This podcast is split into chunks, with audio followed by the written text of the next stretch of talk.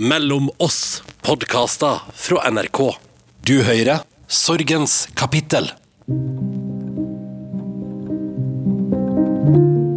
Sorg har så ufattelig mange lag, og én ting er at jeg har mista mannen min, min store kjærlighet i livet. Men den største sorgen er definitivt at ungene våre har mista pappaen sin. At han ikke får fulgt dem opp og vært der når de trenger han. Å se at denne sorgen har tatt så bolig i to små kropper, der du bare vet at det er ingenting du kan gjøre for å ta bort den smerten de føler, det er rett og slett for meg det vanskeligste å bære. Og det krever en styrke som jeg mange ganger ikke vet hvor jeg skal finne. Du hører på Sorgens kapittel, og jeg heter Karen Marie Berg. Og her i denne podkasten så møter jeg andre som har opplevd det samme som meg, å miste en de elsker. Elisabeth Andreassen trodde at dagen hun skulle våkne til 13.6.2016, skulle bli akkurat sånn som de andre lykkelige dagene hun hadde hatt sammen med mannen sin, Tor Andreassen. Men så skal det vise seg at det ble alt annet enn en lykkelig dag. Våkna jeg med et skikkelig brak om morgenen. Og da trodde jeg liksom at et skap hadde falt ned i stua, så jeg går og titter og, og ser ingenting. Og, men så snur jeg meg, og så ser jeg hva som har skjedd. Og da bare startet marerittet, kaoset. Denne dagen så dør Thor fra Elisabeth på hytta på Brønnøya. Å oppleve at mannen blir borte så brått, er vanskelig for kropp og sjel å fatte. Fordi det kommer som fullstendig lyn fra klar himmel. Men det er en takknemlig Elisabeth vi har med å gjøre her. En takknemlighet over at søstera til Thor kobla de to sammen på en date på begynnelsen av 90-tallet, og at det skulle bli en sånn klaff, og at livet skulle bli så godt.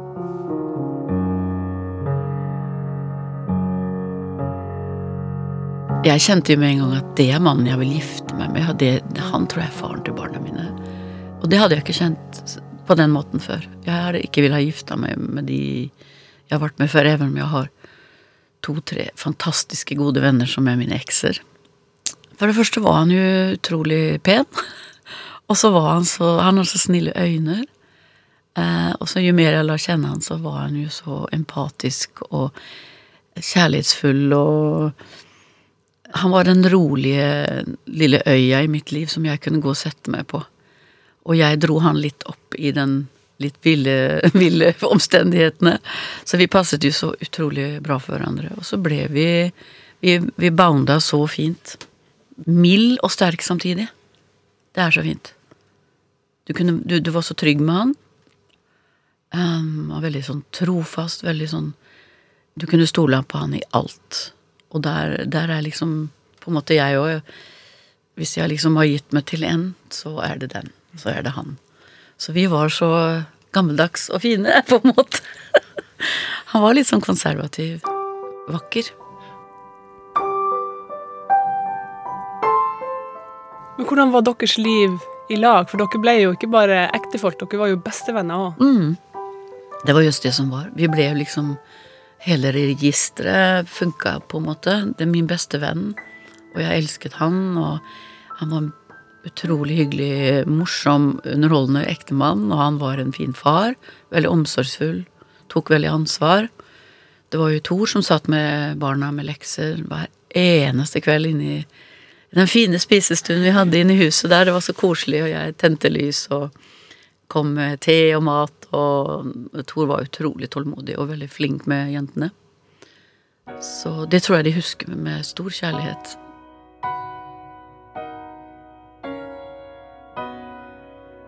Han sa en gang sånn Ja, men skal du virkelig gifte deg med meg, da? Jeg er jo ganske kjedelig. Du kommer til å få det så kjedelig. Og det har jeg minnet ham på så mange ganger. Husker du at du sa det? Ja, hvor kjedelig fikk du det? Ikke et sekund. For vi, vi kunne sitte stille i fire dager òg, og det var helt fantastisk. Lese og bare gjøre ting. Gå rundt og lage mat og sånn, og som trengte ikke prate hele tiden heller. Han var Plutselig så var han inne i sine egne gutterom, som han fikk lov å ha. Det sa han i talen på bryllupet også. Du er jo så sjenerøs, for du lar meg være. Jeg kan gå inn på gutterommet mitt når jeg vil. Og det tror jeg er viktig for en del menn. At, de, at det ikke settes grenser. At ja, nå er du gift, nå får du ikke gjøre det og det, og nå kan du jo ikke gjøre det og det, og du kan jo ikke være sånn og sånn. Herregud, du må ikke stoppe dem for noen som helst. De må få lov til å være gutta, ja. Du må jo få lov til det. Du har jo valgt denne mannen, og da må du jo ha gått gjennom alle disse fasene og godkjent dem.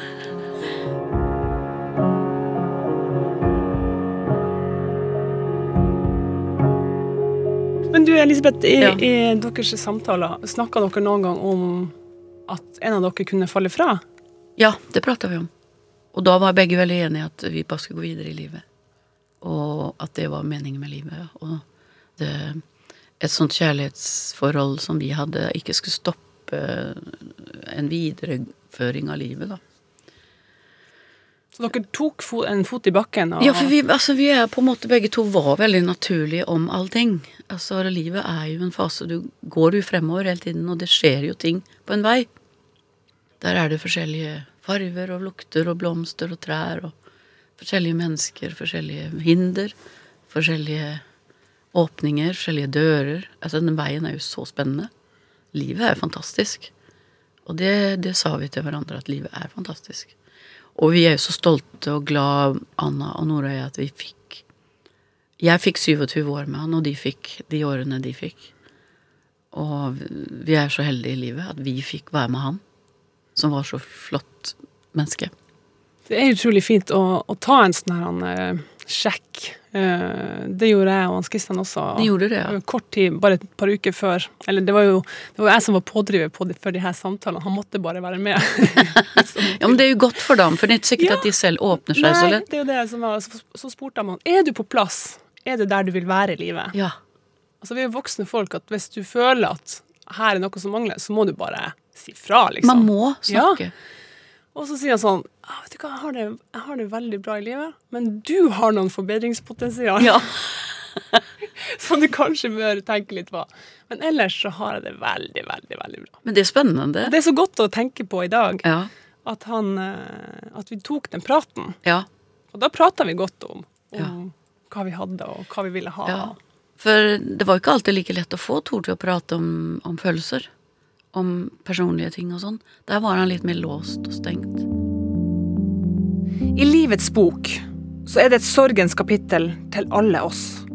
For noen så er det kapitlet stort, for andre så er det veldig lite med få sider i. Men på en eller annen måte så streifer den forbi, gjerne når du minst aner det. For Elisabeth så har sorgen dessverre blitt en stor del av livet hennes, for det var jo ikke sånn det skulle bli. Men når sorgen har tatt sånn grep, så gjør hun det beste ut av det. Eh, så sorgen har jo vært eh, viktig, på en måte. Den har vært eh, ny Har fått meg til å tenke på livet på en annen måte. På en ny måte. Se litt sånn dypere perspektiv på livet, og hva gjør den med meg, og hva gjør den med de andre, og hva skjer med folk utenfra mot meg og mine jenter, da, oss. Så det har vært en sånn Jeg syns det har vært en ganske tøff tid, men det har vært også en fin tid. Altså Det er jo sånn når du stenger en dør, så åpner seg noen mange andre. Det syns jeg er så fint med livet. At man da prøver å se det fra en slags positiv side, da. Hva, hva, hva, skje, hva har skjedd med meg under denne tiden? Eh, er det noe jeg kan formidle? Er det noe jeg syns er viktig? Er det noe jeg kan lære av? Er det noe jeg kan lære andre til? Og høre på hva jeg har opplevd. Og det syns jeg det har vært. Og så har det vært eh, mye gråt og mye Hvor vil jeg være? Jo, jeg vil være på hytta. Der har jeg hatt mine sørgestunder, da. Så sorg er ikke bare fælt for deg. Nei, det var fælt i starten, og i den første tiden var det fælt. Eh, også på grunn av at jeg sov og jentene mine hadde det vondt, og derfor så ble det liksom ekstra vondt for meg òg. Så jeg følte at min oppgave var i første tiden å ta vare på oss tre. Eh, og prøve å finne et rom et eller annet sted i sjelen som, der vi tre kunne hente litt krefter. Men jeg følte at jeg måtte reise meg opp, og jeg måtte være forbilde, jeg måtte være mor. Jeg måtte være den som ledet litt an. For jeg tror kanskje Jeg vet jeg følte liksom at det var verre å miste en far enn en mann, på en måte. Ikke at man kan hjemføre, men jeg gjorde det likevel. Det kjentes som eh, Jeg måtte ta vare på de, da. Jeg klarer meg eh, sikkert bra, men de har liksom mistet sitt forbilde, og sin far og sin En mann som de drømmer om skal følge dem til alteret. De gleder seg til å si til pappa at eh, vi skal ha, ha barn, og ja, alle de tingene som er som milepæler i livet, da. Det tror jeg de tenker mye på.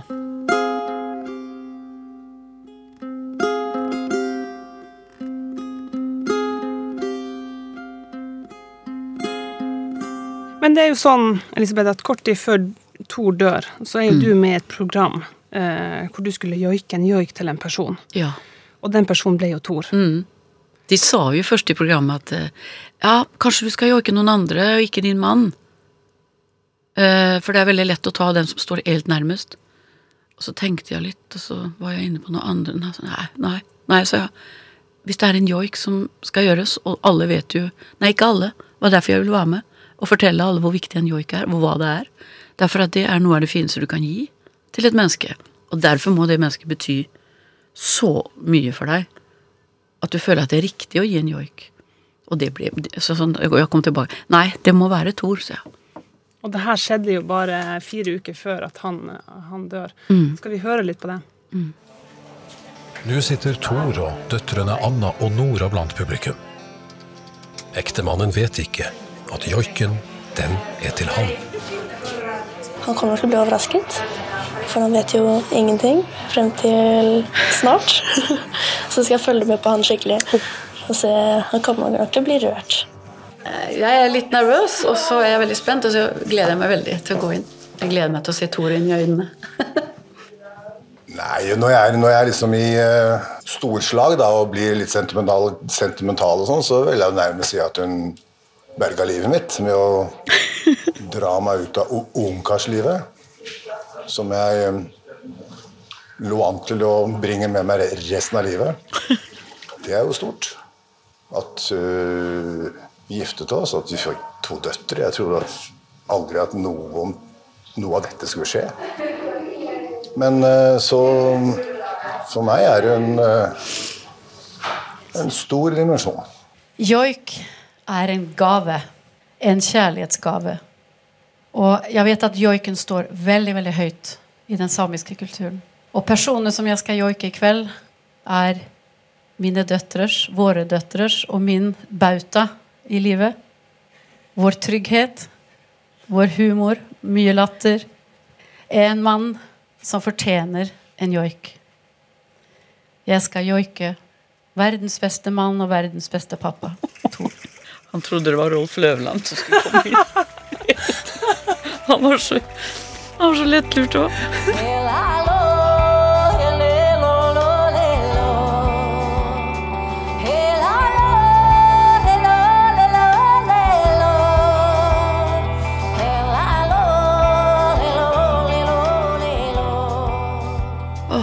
Hva tenker du når du ser det her, Elisabeth? Åh, for en mann han var.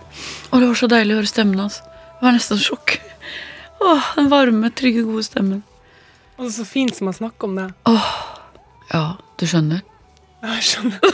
Jeg bare tenker at det er jo ikke alle som får oppleve en sånn kjærlighet som dere hadde. Nei. Det er jo helt fantastisk. Mm. Og jeg var så glad at jeg fikk gjøre dette her. Og det var så rart det. At det skjer i den tiden, og at, at det skulle skje rett før han døde. Det er helt utrolig. Det er liksom en mening med det. Du fikk jo på en måte sagt sagt. det du, kunne, det du skulle ha sagt i en begravelse Ja, til han der. ja. Det var helt Hvor høyt man elsker Og hvem han var, og hvorfor, og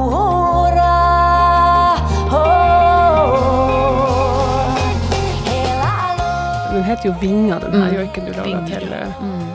Thor. Og bare det er jo også veldig spesielt. Ja, for han elsket dyr, han elsket fugler spesielt. Og han var veldig opptatt av rovfugler. Og de har jo et sted oppe på Dønna, familien til Thor, så der var vi masser. Og da var han så opptatt når eh, rovfuglene kom overfor oss. Se, se Anna Nora, se på den fuglen, det er så mektig, se så flott. Så vi følte at han var denne ørnen da, med de store, fine vingene sine som beskyttet oss. Så det syns jeg var liksom et fint navn, da. Men hva sa han til det her, da? At han fikk denne joiken? Nei, han var altså så rørt, og han syntes det var så fantastisk. For det kommer jo tilbake det Det at han er veldig sånn mild og sterk samtidig. Han fortjente virkelig en joik, og han kunne virkelig ta den imot. Even om han hadde vanskelig å uttrykke alle disse følelsene sine. Så tror jeg den traff han på riktig sted. For ting for han, det var viktig at det var riktig. Tok det inn i hjertet sitt. For han syntes at jeg hadde vist en, en, en styrke som han visste jeg hadde, men som nesten noen gang kunne skremme han. Og den styrken var i både stemmen og uttrykket og det at dette skjedde med den joiken, da. Når jeg ser på de klippene fra Myttemu, Ja. eh, så ser jeg hvor hardt han og Nora og Anna holder hverandre i hendene. Helt Mens utrolig. du synger. Ja, det er helt Altså, det er så rørende og Knuger liksom Ja. hendene. ja. Knogene var hvite, nesten. De holder så hardt i hverandre. Og det, og det, det, da, ja, da skjønner du hva jeg mener med at jeg tror det er verre for dem å miste Tor enn for en kone. Even om det er veldig tøft. De har jo bare én pappa. Ja.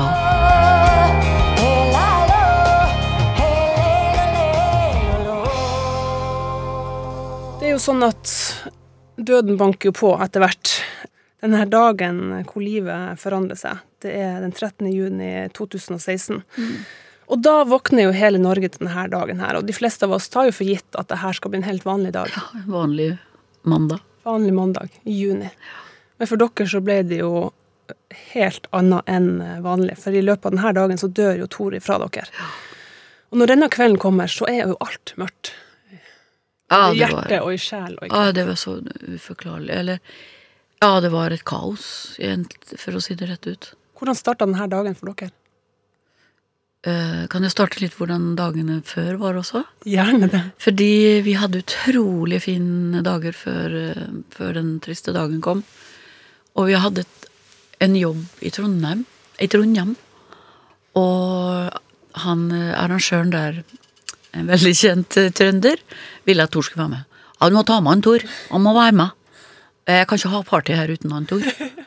Så Tor ble med og fikk betalt flybillett, og vi fikk havna på en kjempesuite på et hotell der, og Tor bare lo. For han var jo ikke det så viktig, men han syntes det var gøy, da. Og, og vi lo veldig av dette, og jeg var på jobb, og Tor var med i salen der, og vi hadde det så gøy. Og, og så var det flystreik på Gardermoen da vi skulle hjem på fredagen. Og da sier jeg til hun arrangøren, da Kanskje vi skulle ta og booke tog? Tog? Nei, kan sitte med privatfly, ja. Han, eh, broren skal nedover i, i dag klokka tolv. Det er i morgen klokka tolv, så dere får sitte på der. Så da blir vi sittende med på et privatfly med lunsj og kaffe og kjempekoselig. Og så kom vi til Gardermoen, og så tok vi flytoget inn, og så tok vi buss 242 til Brønnøya. Rett på hytta. Rett på hytta, så var fra privatfly og inn i 242-bussen. Og det var veldig morsomt. Og kommer ut der på fredag, og på lørdag så var Tor invitert i sin beste venns seksårsdag, og der var alle guttevennene hans. Det var gutteselskap. Han fikk treffe Og de fikk treffe Tor for siste gang, for jeg ikke visste det. Ja, det var altså så hyggelig. Han hadde hatt det så gøy, og alle de beste vennene var der. Og så kom han ut da på lørdag kveld, og så søndag hadde vi en lang snekketur på nesten fire timer, og fantastisk vær, og spiste en lang middag på terrassen. Vi satt ute til klokka var ett eller noe sånt på kvelden og prata, hadde det så fint. Og så jeg husker snekka stoppet midt ute i fjorden der, på vei tilbake, og han i fine skinnsko og penbukse som han alltid gikk i, rota ned i motoren og så ja, ja, ja, dette, dette, dette skal gå bra. Han stammet litt.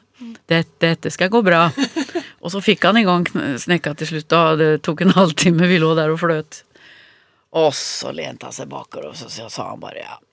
Den går, går, går som en klokk. og så bare tøffa vi hjem, og ja, gikk og la oss, og så våkna jeg med et skikkelig brak om morgenen. Og da trodde jeg liksom at et skap hadde falt ned i stua, så jeg går og titter og, og ser ingenting. Og, men så snur jeg meg, og så ser jeg hva som har skjedd. da. Og da bare startet marerittet, kaoset. Det tok lang tid før ambulansen kom, da.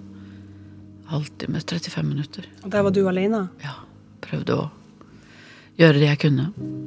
Men det var en helt sjokkarta dag og veldig sånn eh, grusom dag. Eh, men, men det var jo hele stua full av leger og ambulanse og politi og begravelsesfolk og alt. Så jeg måtte ringe da barna mine. Det var noe av det verste jeg har gjort i mitt liv, tror jeg. Og ringte da søsteren hans og broren og eh, to av hans beste venner og sånn, så vi ble samla der ute. Nær gjeng, da. Og vi fikk tatt et fint farvel og, og alt sånt. Eh, så det, men det var en grusom dag kaos. Og ja, alt stoppet opp, på en måte, og det var sjokk, og det var Ja, nei, det var en grusom dag. Jeg har vanskelig å sette ord på det. Det er det der å fortelle barna sine at uh, pappaen er død. Det har Ja. jeg også gjort. Ja, det var helt forferdelig, altså. Det tror jeg er det verste jeg har gjort i mitt liv. Ja, ja det var grusomt. Ja, det var så grusomt. Jeg fikk jo ikke frem hva jeg skulle si, for jeg gråt så fælt, og jeg fikk ikke frem. Nei. Det anbefaler jeg ingen. Det gjør ikke jeg heller. Nei, a meg. Men du det- bare må Ja, det er Ting de der tingene tang. man må gjøre, som man faktisk så- klarer å gjøre. Ja, for du blir så praktisk Det bare slår inn, på en måte. Midt i det grusomme så slår det inn at jeg må bare gjøre sånn. Sånn, nå må jeg gjøre det og det.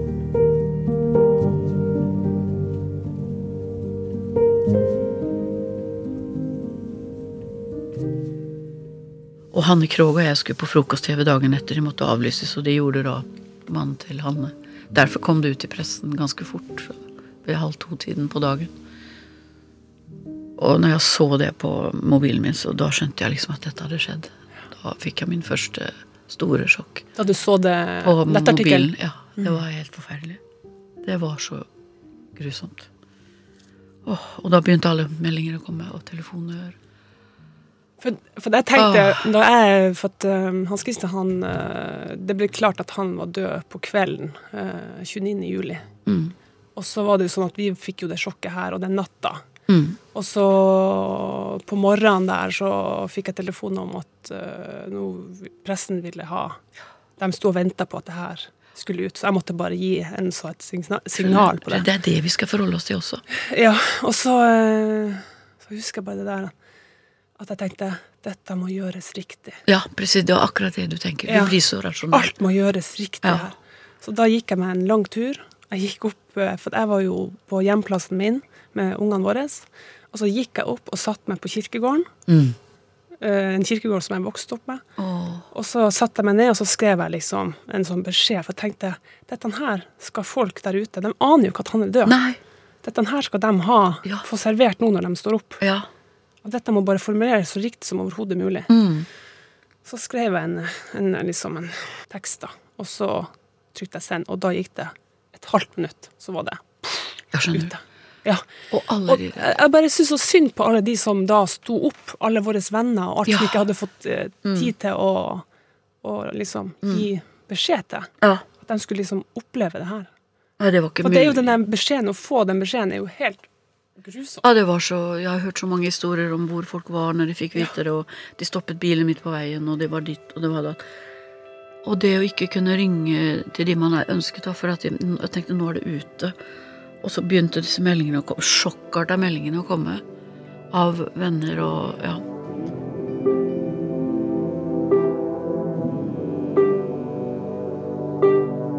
Men alle skjønner jo gangen i dette. Så det var jo ingen som eh, Det var jo bare at man fikk vite det så brutalt. Mm. Men jeg ble sånn operativt sentral. Ja. Jeg svarte alle meldingene. Jeg satt der men- og svarte på alt. Ja, Så til slutt så sa søstera mi at du, nå tror jeg du må ta vare på ungene dine. Ja, det de det. sitter her ved siden av. Og Ja. jeg sitter her, ja, hvem skal svare på det her? Og så ble jeg litt sånn ja man blir litt sånn praktisk Ja, veldig eh, praktisk operativ. Men eh, hvordan var det for deg, Elisabeth, at du hadde vært der? Da han døde? Hvordan var det for deg? Ja, for meg, mange som sier 'Gud a meg, hvordan orker du dra på hytta'? Kan du være der alene? Men jeg må jo ut og være der alene. Det har vært mitt fristed, for det var vårt paradis. Og det er det jo fortsatt. Det blir jo ikke noe verre for at han blir borte. Der føler jeg. Det er, sånn, det er min fint, måte å eh, reagere på. Ja. Kan det være fint å tenke på at han Ja, han elsket å være der. Ja. Eh, Det, var, det var vårt paradis, og barna hadde vokst opp der, og vi elsket jo å være der. Så for meg så blir det på en måte en slags hvilested for oss, da. Det er mitt sted med han. Det er ikke graven, liksom. Utan det er Brønnøya som ble det stedet der jeg trakk meg tilbake alene de første to åra. To og et halvt åra. Når jeg følte at jeg ville sette meg ned og, og, og la følelsene komme ut. Og det, det, det følte jeg også at mange syntes det var veldig fint at jeg kunne ha det sånn. At jeg kunne dra ut dit og kjenne at han var der, og, og at jeg kunne være lei meg der og, og sånn. Og alle bildene på han, og de står der fortsatt. Og. Så for meg så var det sånn fristed, hjelpested. Det var helt nydelig å være der. Og fuglene som jeg føler er liksom små beskjeder fra han. Det blir, det blir mer og lengre og lengre tid imellom de små tegnene, men de er der. For han følte at han hadde små tegn fra sin bror der ute. Så det liksom går litt sånn i Du kjenner litt på det der, han- at han er til stede på et eller annet vis? Mm. Noen innimellom kjenner jeg det veldig sterkt. Uh, bryllupsdagen vår og sånn, så får jeg noen tegn innimellom. Og folk kan si hva de vil om det, men for meg er det veldig godt. Det er veldig godt. Og det er veldig sterke tegn. Det er helt sånn der det går ikke an. I dag, liksom. Ja. Og fine tegn av Anna Nora og jeg var i Barcelona på min 60-årsdag. Var det bare vi tre som dro. Og en uke i Barcelona. Og der fikk vi et sterkt tegn inne i en kirke en gang, og det var helt eh, Det går nesten ikke å tro på. Eh, Men for oss så var det jo fantastisk. Eh, Så sånn er det. Man får ta de tingene til seg som kommer til deg. Ja, vet du hva? Det må vi jo bare gjøre. Ja. Og så får alle andre Mm. tro hva de vil. Mm. Men det er jo en trøst for oss. Det er oss det Ja. For det er jo vi som skal ha den trøsten. Ja.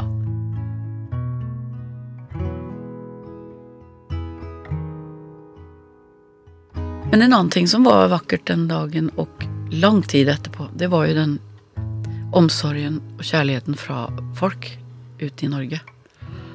Det var sjokkerende hvor mye omsorg og mye tanker og eh, kjærlighet som kom fra publikum. Det var som en sånn tsunamiaktig følelse. Eh, både på meldinger, SMS-er, men også ute i gatene og handla. Det kom blomster på døra, folk kom med mat og boller. Helt utrolig. Folk tok meg i hånda når jeg sto i charkuteriet i butikken og jeg tenker på deg og Ja, jeg mistet mannen min også. Vet du hva, det var helt fantastisk. Det har hjulpet meg masse også.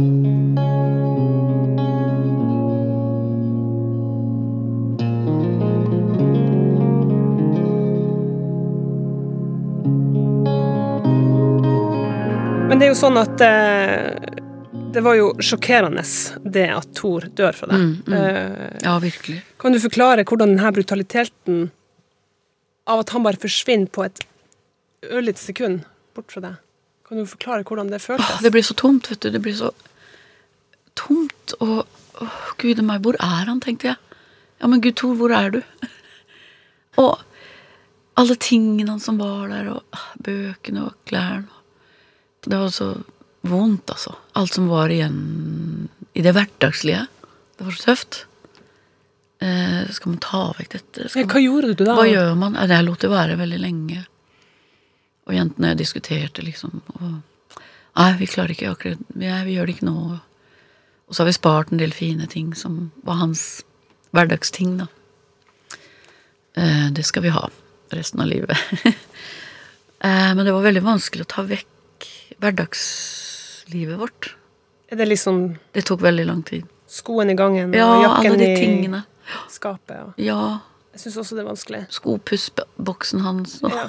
Det var sånn som her forleden dag så ble jeg forkjøla, og så tenkte jeg nesespray.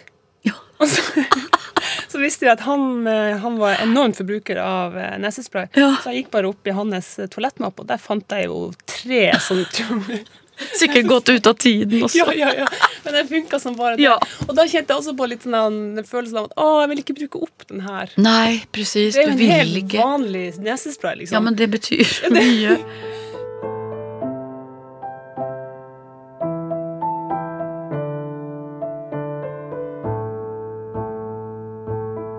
Når kjenner du mest på det fraværet av Tor? For jeg er sånn som når jeg skal hjem fra jobb og komme hjem, så er det jo alltid mørkt hjemme. For det er ingen som har vært og satt i gang middagen, eller Ja. satt på poteten, eller slått på lysene.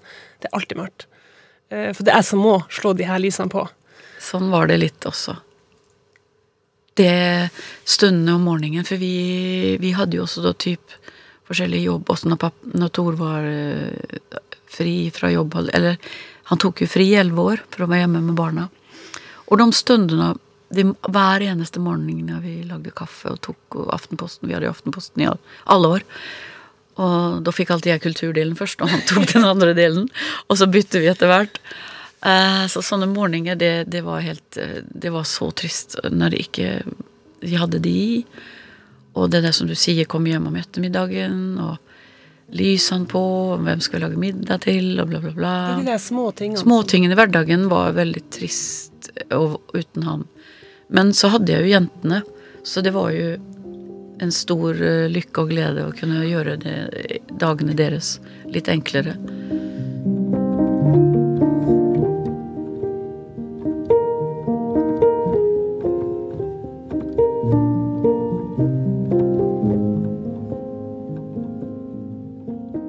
Men det er jo en ting at vi har jo mista våre ektemenn, Mm. men ungene våre har jo mista pappaen Ja. sin, som vi snakka om i stad. Eh, og for meg så har jo det vært noe av det tyngste. Ja, det er jeg enig i. Fordi vi kan jo på en måte finne Det blir aldri lett. Nei, det blir Nei, for meg er det en- den tyngste sorgen, kan du si. Jeg kan aldri si pappa til noen Nei. igjen. Nei.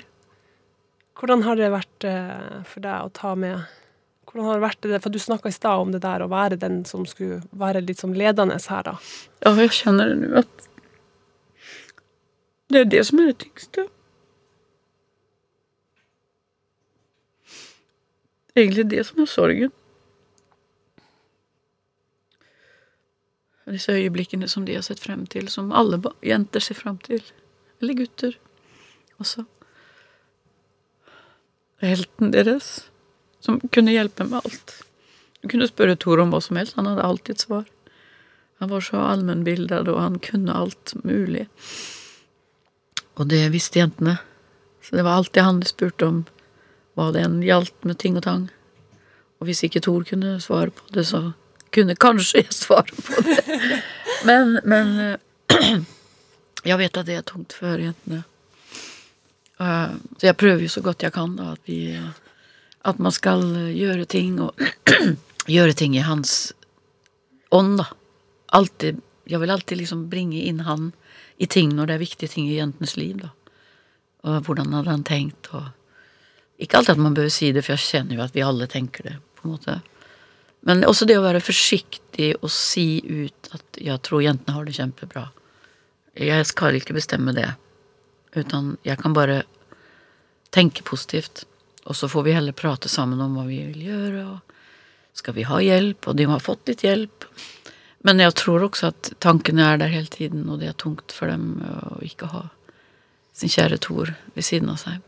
Og så har de opplevd mye samme tingene med venner og venninner som har opplevd det samme. Og, så de har hatt kanskje noen å prate med også når det gjelder de samme opplevelsene.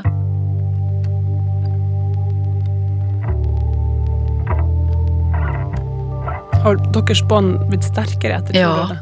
Det har det. Absolutt. Så vår tid etter Tor har i hvert fall blitt veldig verdifull og veldig fin. Vi føler et veldig sånn godt samhold.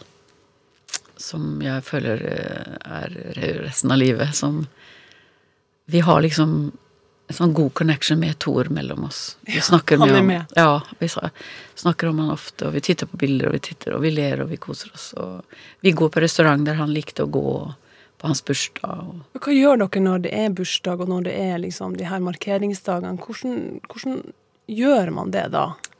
For det har jeg vært veldig sånn i tvil på. Skal man feire dette, eller skal vi Hvordan skal vi gripe de her dagene an? Altså, vi har jo gjort det med optimistisk Eller, eller sånn lys Lyst, på en måte, om jeg skal kalle det for det.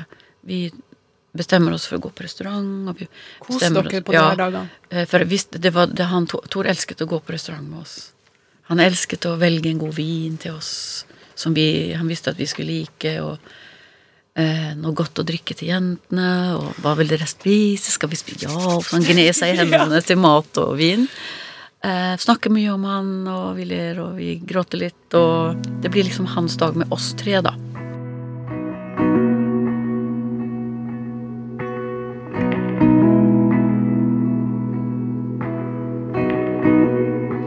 Det er jo mange valg som skal tas, da, Mm. eh, som ikke er så veldig enkle å ta.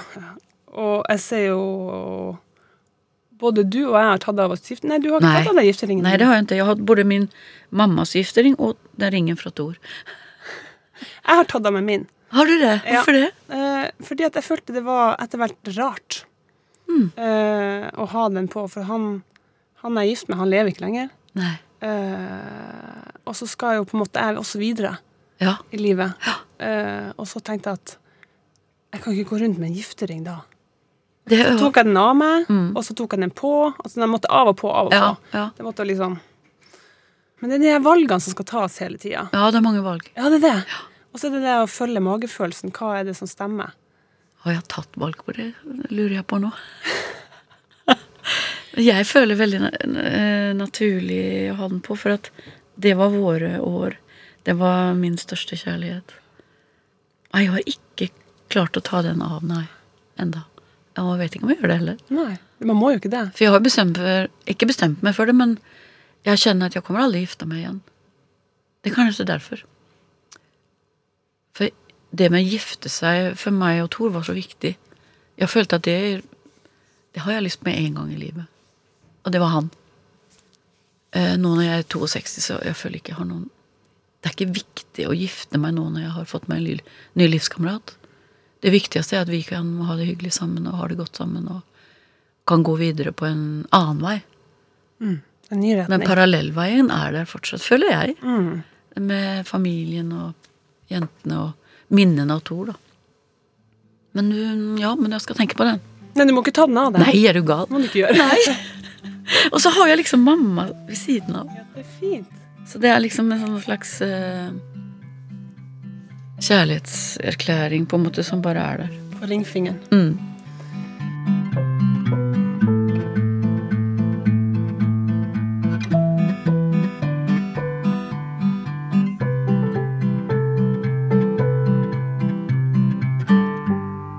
Føler du at du har sørga på riktig vis, hvis man kan si det sånn? For jeg syns det er en veldig sånn interessant balansegang hele tida om, om ting gjøres riktig eller ikke. Jeg vet jo ikke. Eh, Jeg Jeg vet, nei, jeg vet ikke heller, for at jeg har tenkt iblant Jeg har jo hatt mine stunder på Brønnøya der ute, i, og, og, og plutselig kan sorgen komme midt på scenen. Den kan komme inn i butikken.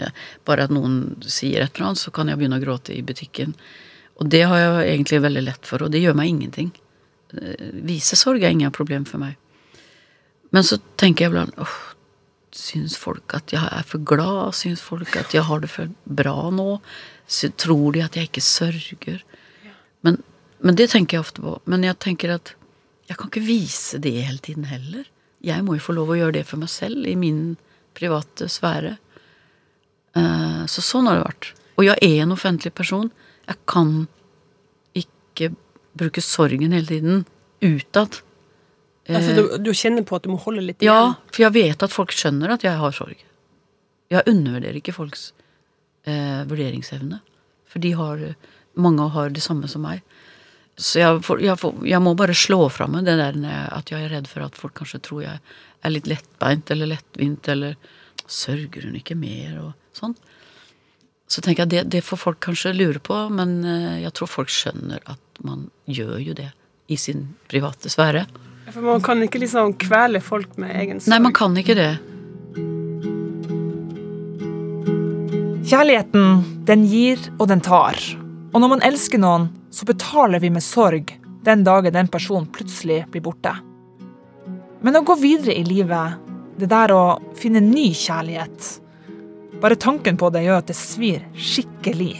Og jeg skjønner jo det, at det funker i teorien, men å få det til i praksis, det er noe helt annet. Det er mange runder som skal gås. Men de rundene der kan være veldig smart å ta. Fordi en dag så gir det virkelig mening.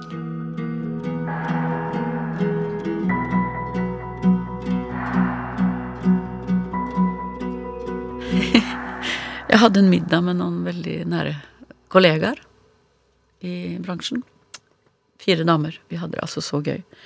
Lagde god mat og satt hjemme i kjøkkenet mitt og eh, Noen vinflasker og veldig, veldig hyggelig. Alle har liksom samme utgangspunkt og forståelse for hverandres liv. Og da sier bare to av de Nei, nå er det nok. Nå har du vært alene nok. Nå går du på Tinder. Hva i all verden er du gæren, sa Tinder? Nei, er du gal? Nei, nei, nei, nei det går ikke. Jeg klarer, vet ikke hva det er, så jeg en gang jeg har bare hørt masse andre rykter. Nei, men sa det du kan være skjult. Hæ? Ja vel. Da begynte jeg å strekke ryggen litt. Ja, for du hadde kjent på den følelsen av at det her livet, det må gå videre. Det må... Ja, jeg er jo veldig realist. Jeg vet jo at det går videre. Men det må bare komme når det kommer. Når man kjenner at det, nå har jeg plass til det. For jeg skjønte ikke at det kunne få plass, så Det var jeg redd for, egentlig. Jeg var liksom redd for det greiene der. Å, herlighet. Nei. Etter 27 år? Nei, gud a meg. Det var litt sånn Ikke skremmende, men det var nærheten. Men så øh, sier de at nei da, du kan øh, Det er ingen som ser at det er deg, men hvis du, Du velger, hvis du velger en, da ser han deg. Nja Så måtte jeg tenke på det noen måneder, da. Så gikk det faktisk et halvt år. For det må modnes. Ja, det må modnes. Ja. Det må jo det. Jeg var ikke klar for det dagen etter, for å si det sånn. Nei, så jeg har tenkt litt på det. Men hva var du redd for der? Nei, jeg var redd for um, at jeg skulle liksom gå videre med en annen mann. Det var veldig fjernt. Veldig fjernt. Uh, I mitt system da. Pluss at man var kjent og Å nei, gud, hva skal folk si? Tenker man. Tenker akkurat som alle andre. Ja, men det er jo det. Hva vil folk si? Den, er, den står sterkt. Ja, nei. Men samtidig er jeg veldig selvsikker på mine egne valg. Men du ser at det, det kommer jo likevel sånne tanker. Nei, gud, er det for, er det for nært? Å nei, å nei, jeg orker ikke. Og det er sånn jeg ikke har tenkt det da. Men så var det plutselig så bare gjorde jeg det en dag. Så ringte jeg til venninnen min sånn Nei, det, hvordan gjør man? jeg får vel gjøre det, da. Og vi lo, vet du. Å, gud, vi lo. Og så gikk det jo som det gikk, da. Det gikk ikke så lenge, faktisk. Bare noen måneder.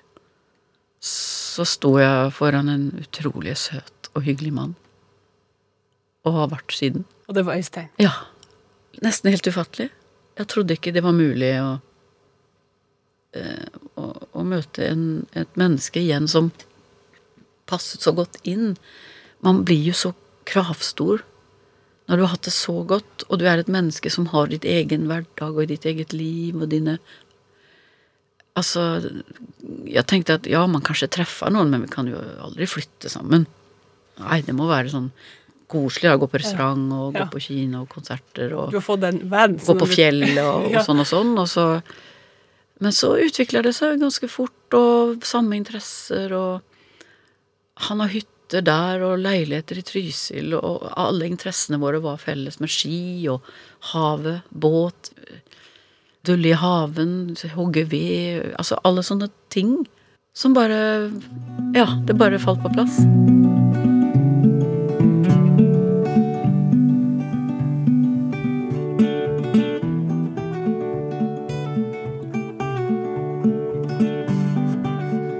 Jeg har jo eh, opplevd et streif av kjærlighet eh, som jeg syns det ble veldig vanskelig for meg, for jeg klarte ikke å takle det. For jeg drev på og tenkte at dette her, det er skam.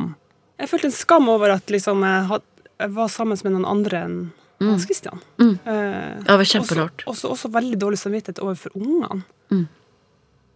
Så jeg fikk ikke det til. Og jeg sier jo hele tida sånn ja, når kjærligheten kommer forbi, da må du gripe det med begge hender. Ja, men det kan at det var for tidlig for deg, vet du. Ja, for det her tror jeg kunne vært virkelig noe. Hvis, Det kommer senere. Hvis ikke det kommer nå, så kommer det senere. Det, ja. For det, det var så vanskelig. Jeg torde ikke å, å vise meg på gata Nei. med han, eller Jeg ville ikke at folk skulle se, for da tenkte jeg sånn at ja, men da tenker de at uh, nå er jeg ferdig med sorgen. og Ja, det er akkurat det tenker jeg òg. Jeg har vært masse innom det. Vi fikk jo lov å være i fred ganske lenge før, og jeg visste jo at det kommer en dag så skal dette ut, og det var så vanskelig. Tenkte gud, kan vi ikke få ha dette for oss selv en stund, med meg og Øystein, da? For man skal jo bli kjent først, Ja, det er det. før alle andre vet dette. Ja, og så ville jeg liksom snakke med jentene om det og sånn og sånn først. Og ta det forsiktig, da. Og det er jo ikke alltid at vi eh, i rampelyset kan bestemme sånt. Nei, for du er jo jeg var altså- livredd for at skulle, noen skulle ringe eller Du er en person alle vet hvem er, og så er du enke, og så er du forelska. Ja, Det er litt precis. vanskelig kombinasjon. Det er kjempevanskelig. Og man vil ha det i fred så lenge som mulig.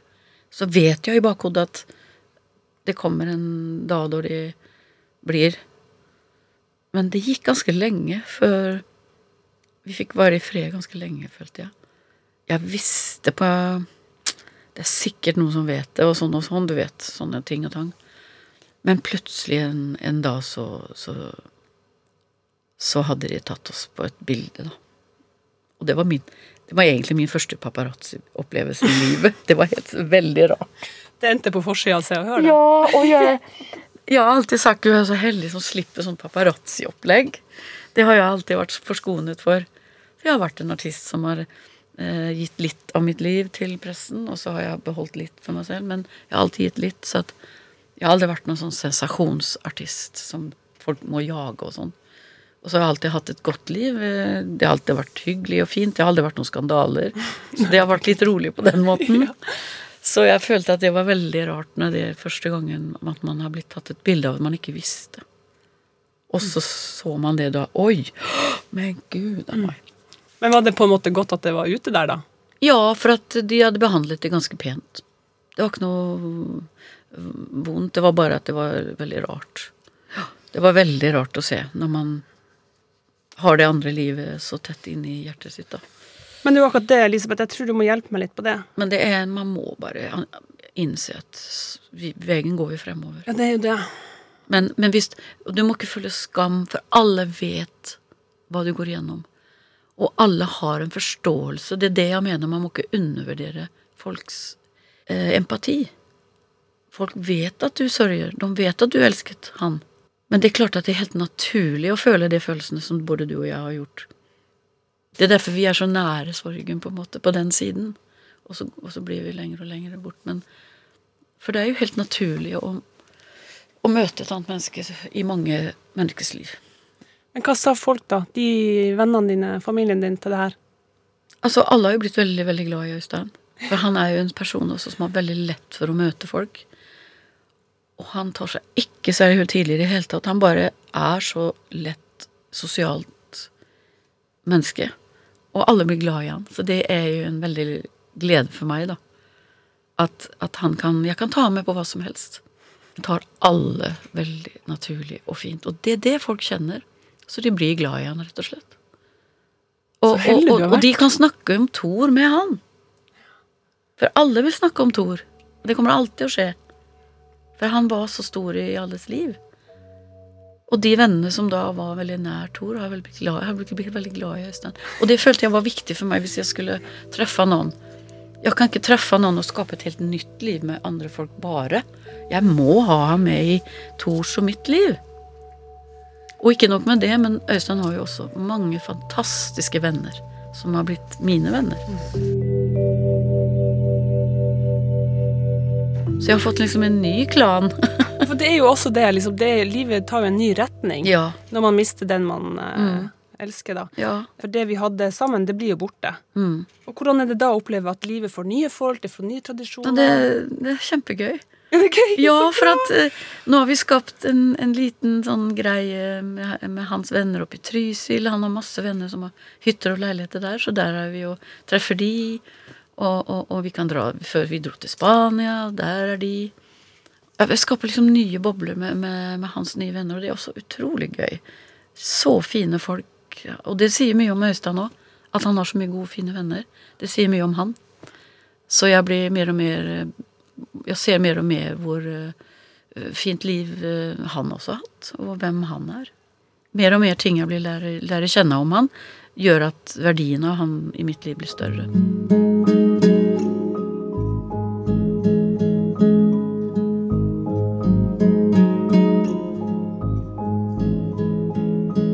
Den sammenligninga den er jo jeg også veldig redd for at man skal da eventuelt eh, Ja. sammenligne den her nye personen som kommer inn i livet, med den man hadde. Ja, men det gjør jeg ikke. I det hele tatt. Det er to helt vidt forskjellige verdener. Jeg beholder Thor og hans verden i hjertet mitt på, på det. Du kan ikke hjemføre med, med folk. Det går ikke. Du må finne en annen som har sine ting. Så må du være fornøyd med de. Med hans verdier og hans måte å være på. Og, og, og hvis ikke det følger opp kravene dine, så kan du ikke være sammen med han. Men det gjør Øystein. Vi har det utrolig fint. Det er jo det som er at eh, man må liksom gjøre seg opp eh, noen tanker Ja, før man går i gang med noe sånt her. ja du må det. Eh, Du må vite hvem du er, og hva du vil, og hva du skal. ja. For det var også et problem, at jeg sammenligna hele tida. Ja, nei, da er det, Jeg tror det bare er for tidlig, da. Ja. Ja. Men det er jo fint at du kan kjenne kjærlighet, da. Ja, det, Det er veldig godt tegn. Åh, jeg var så glad. Ja, for man er så redd for de der greiene der. Kjemperedd. For alt. Jeg er redd for alt Ja. som skal da Ja. komme inn og på en måte forstyrre det livet jeg har. Mm. Jeg tror ikke du skal være redd for det i det hele tatt. Jeg tror du bare kan løfte den r-en, redselen, bort sånn. Ding, og så legger du den ned i en vask. Og så skrur du på vannet. Hysj, bort. Og så går du tilbake. Og så kjenner du på de tingene at de er helt naturlige. Det er helt naturlig. Man skal aldri føle noen skam for noe som helst. For skjer det deg, så skjer det deg på en grunn. Du er det mennesket du er. Det er du som bestemmer egentlig med din væremåte hva som skjer i livet ditt. Hvis du er veldig inneslutta og ikke gjør noen ting, da får du ingenting. Men du er et menneske med en åpen hånd, tror jeg. Og da kommer de og setter seg på fingrene dine, disse små fuglene. Din, din, din, din, din. Med masse nytt i livet ditt. Ja, men det, det, det er et eh, Så løft vekk redselen, even om den er der. Den har vært hos meg òg, den. Men man må skyve den litt vekk. Ja. For den har ikke noe hensikt. Nei, hva skal Den den, gir deg ingenting. Ingenting. Nei, ingenting. Den bare er det som en sånn der rød liten gubbe å banke på hodet ditt. Og det bare sparker sparke bort alt det der. Og den- Få det bort. Ja, for det er alle de andre som er den figuren. Det er, de, det er det du er redd for. Hva skal de si? Ja, det er jo det. Men det, de vet hva du går gjennom. De, de, de syns litt synd på deg for å tape, men, men, men de kommer til å bli så glad når du finner det nye livet. Det har jeg oppdaget med mine venner. De er så glad for min skyld. Du kommer til å se det og kjenne det. Så da skal jeg følge mitt eget råd, Ja, at når den kommer forbi den kjærligheten, Mm. da skal den gripes. absolutt. Og så skal man ikke være redd, Nei. og ikke sammenligne. Nei. Der har vi den! Og du kommer veldig snart, hvis du er klar for det Jeg var jo ikke klar for det før etter sånn to og et halvt Ja, var nå av tre år. Men, men når du er klar for det, så får du også så mye tilbakemeldinger. For da ser folk at du klarer å gå videre. Og det er alle glad for. Og alle forstår at du har sorgen i, i hjertet ditt.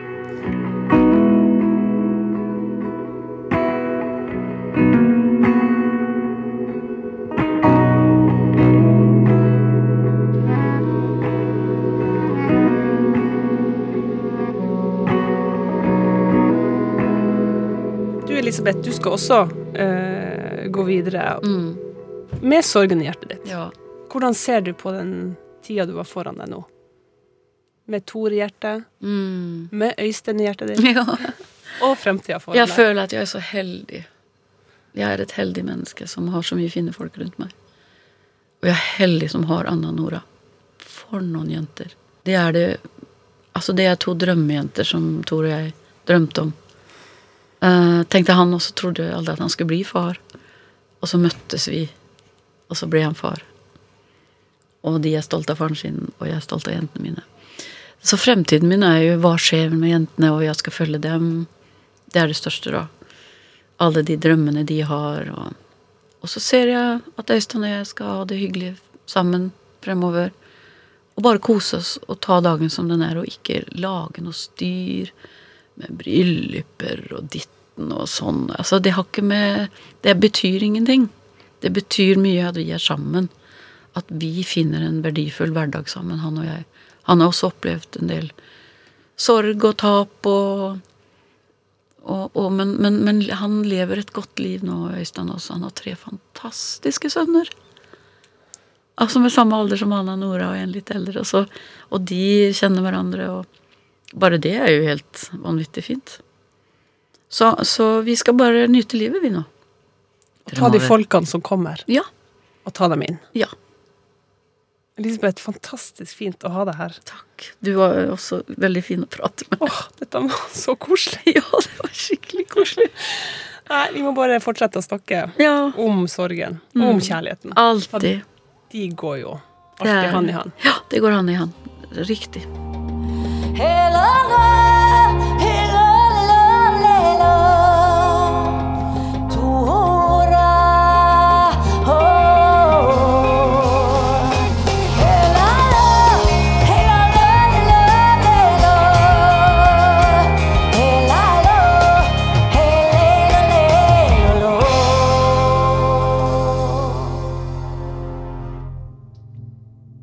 Neste episode i Sorgens kapittel kommer 10. februar, og her møter du Solveig Kloppen, som våkner opp en augustnatt i 2017 til en melding hun kommer til å huske resten av sitt liv. Og så ser jeg på telefonen, og så ser jeg at uh, niesen min, uh, Marie, på 15, har ringt mange ganger. Og så har jeg fått en melding fra Katrines uh, bestevenninne Grete, som skriver Katrine Katrine er borte. Eh, vi får ikke tak i henne. Har du hørt noe? Søstera Katrine hun er borte, og hun er borte fordi at hun har tatt sitt eget liv. Hør Sorgens kapittel med Solveig Kloppen og mannen Kjartan Brygger Bjånesøy i radioappen NRK Radio 10. februar. Du har hørt en podkast fra NRK. Du kan nå høre flere episoder av denne serien i appen NRK Radio. En podkast fra NRK. Hei, jeg heter Eivind Sæther. Jeg er småbarnsfar og samboer. I Havarikommisjonen skal du få møte par som har gått fra hverandre. Vi ble så slitne at vi begynte å hakke litt på hverandre. Hvem skulle ta oppvaska, hvem lagde mat? Sammen med to psykologer skal jeg prøve å finne ut hvorfor det gikk galt, og hvordan vi kan unngå å havne der selv. Last ned podkasten Mellom oss og hør serien Havarikommisjonen i appen NRK Radio.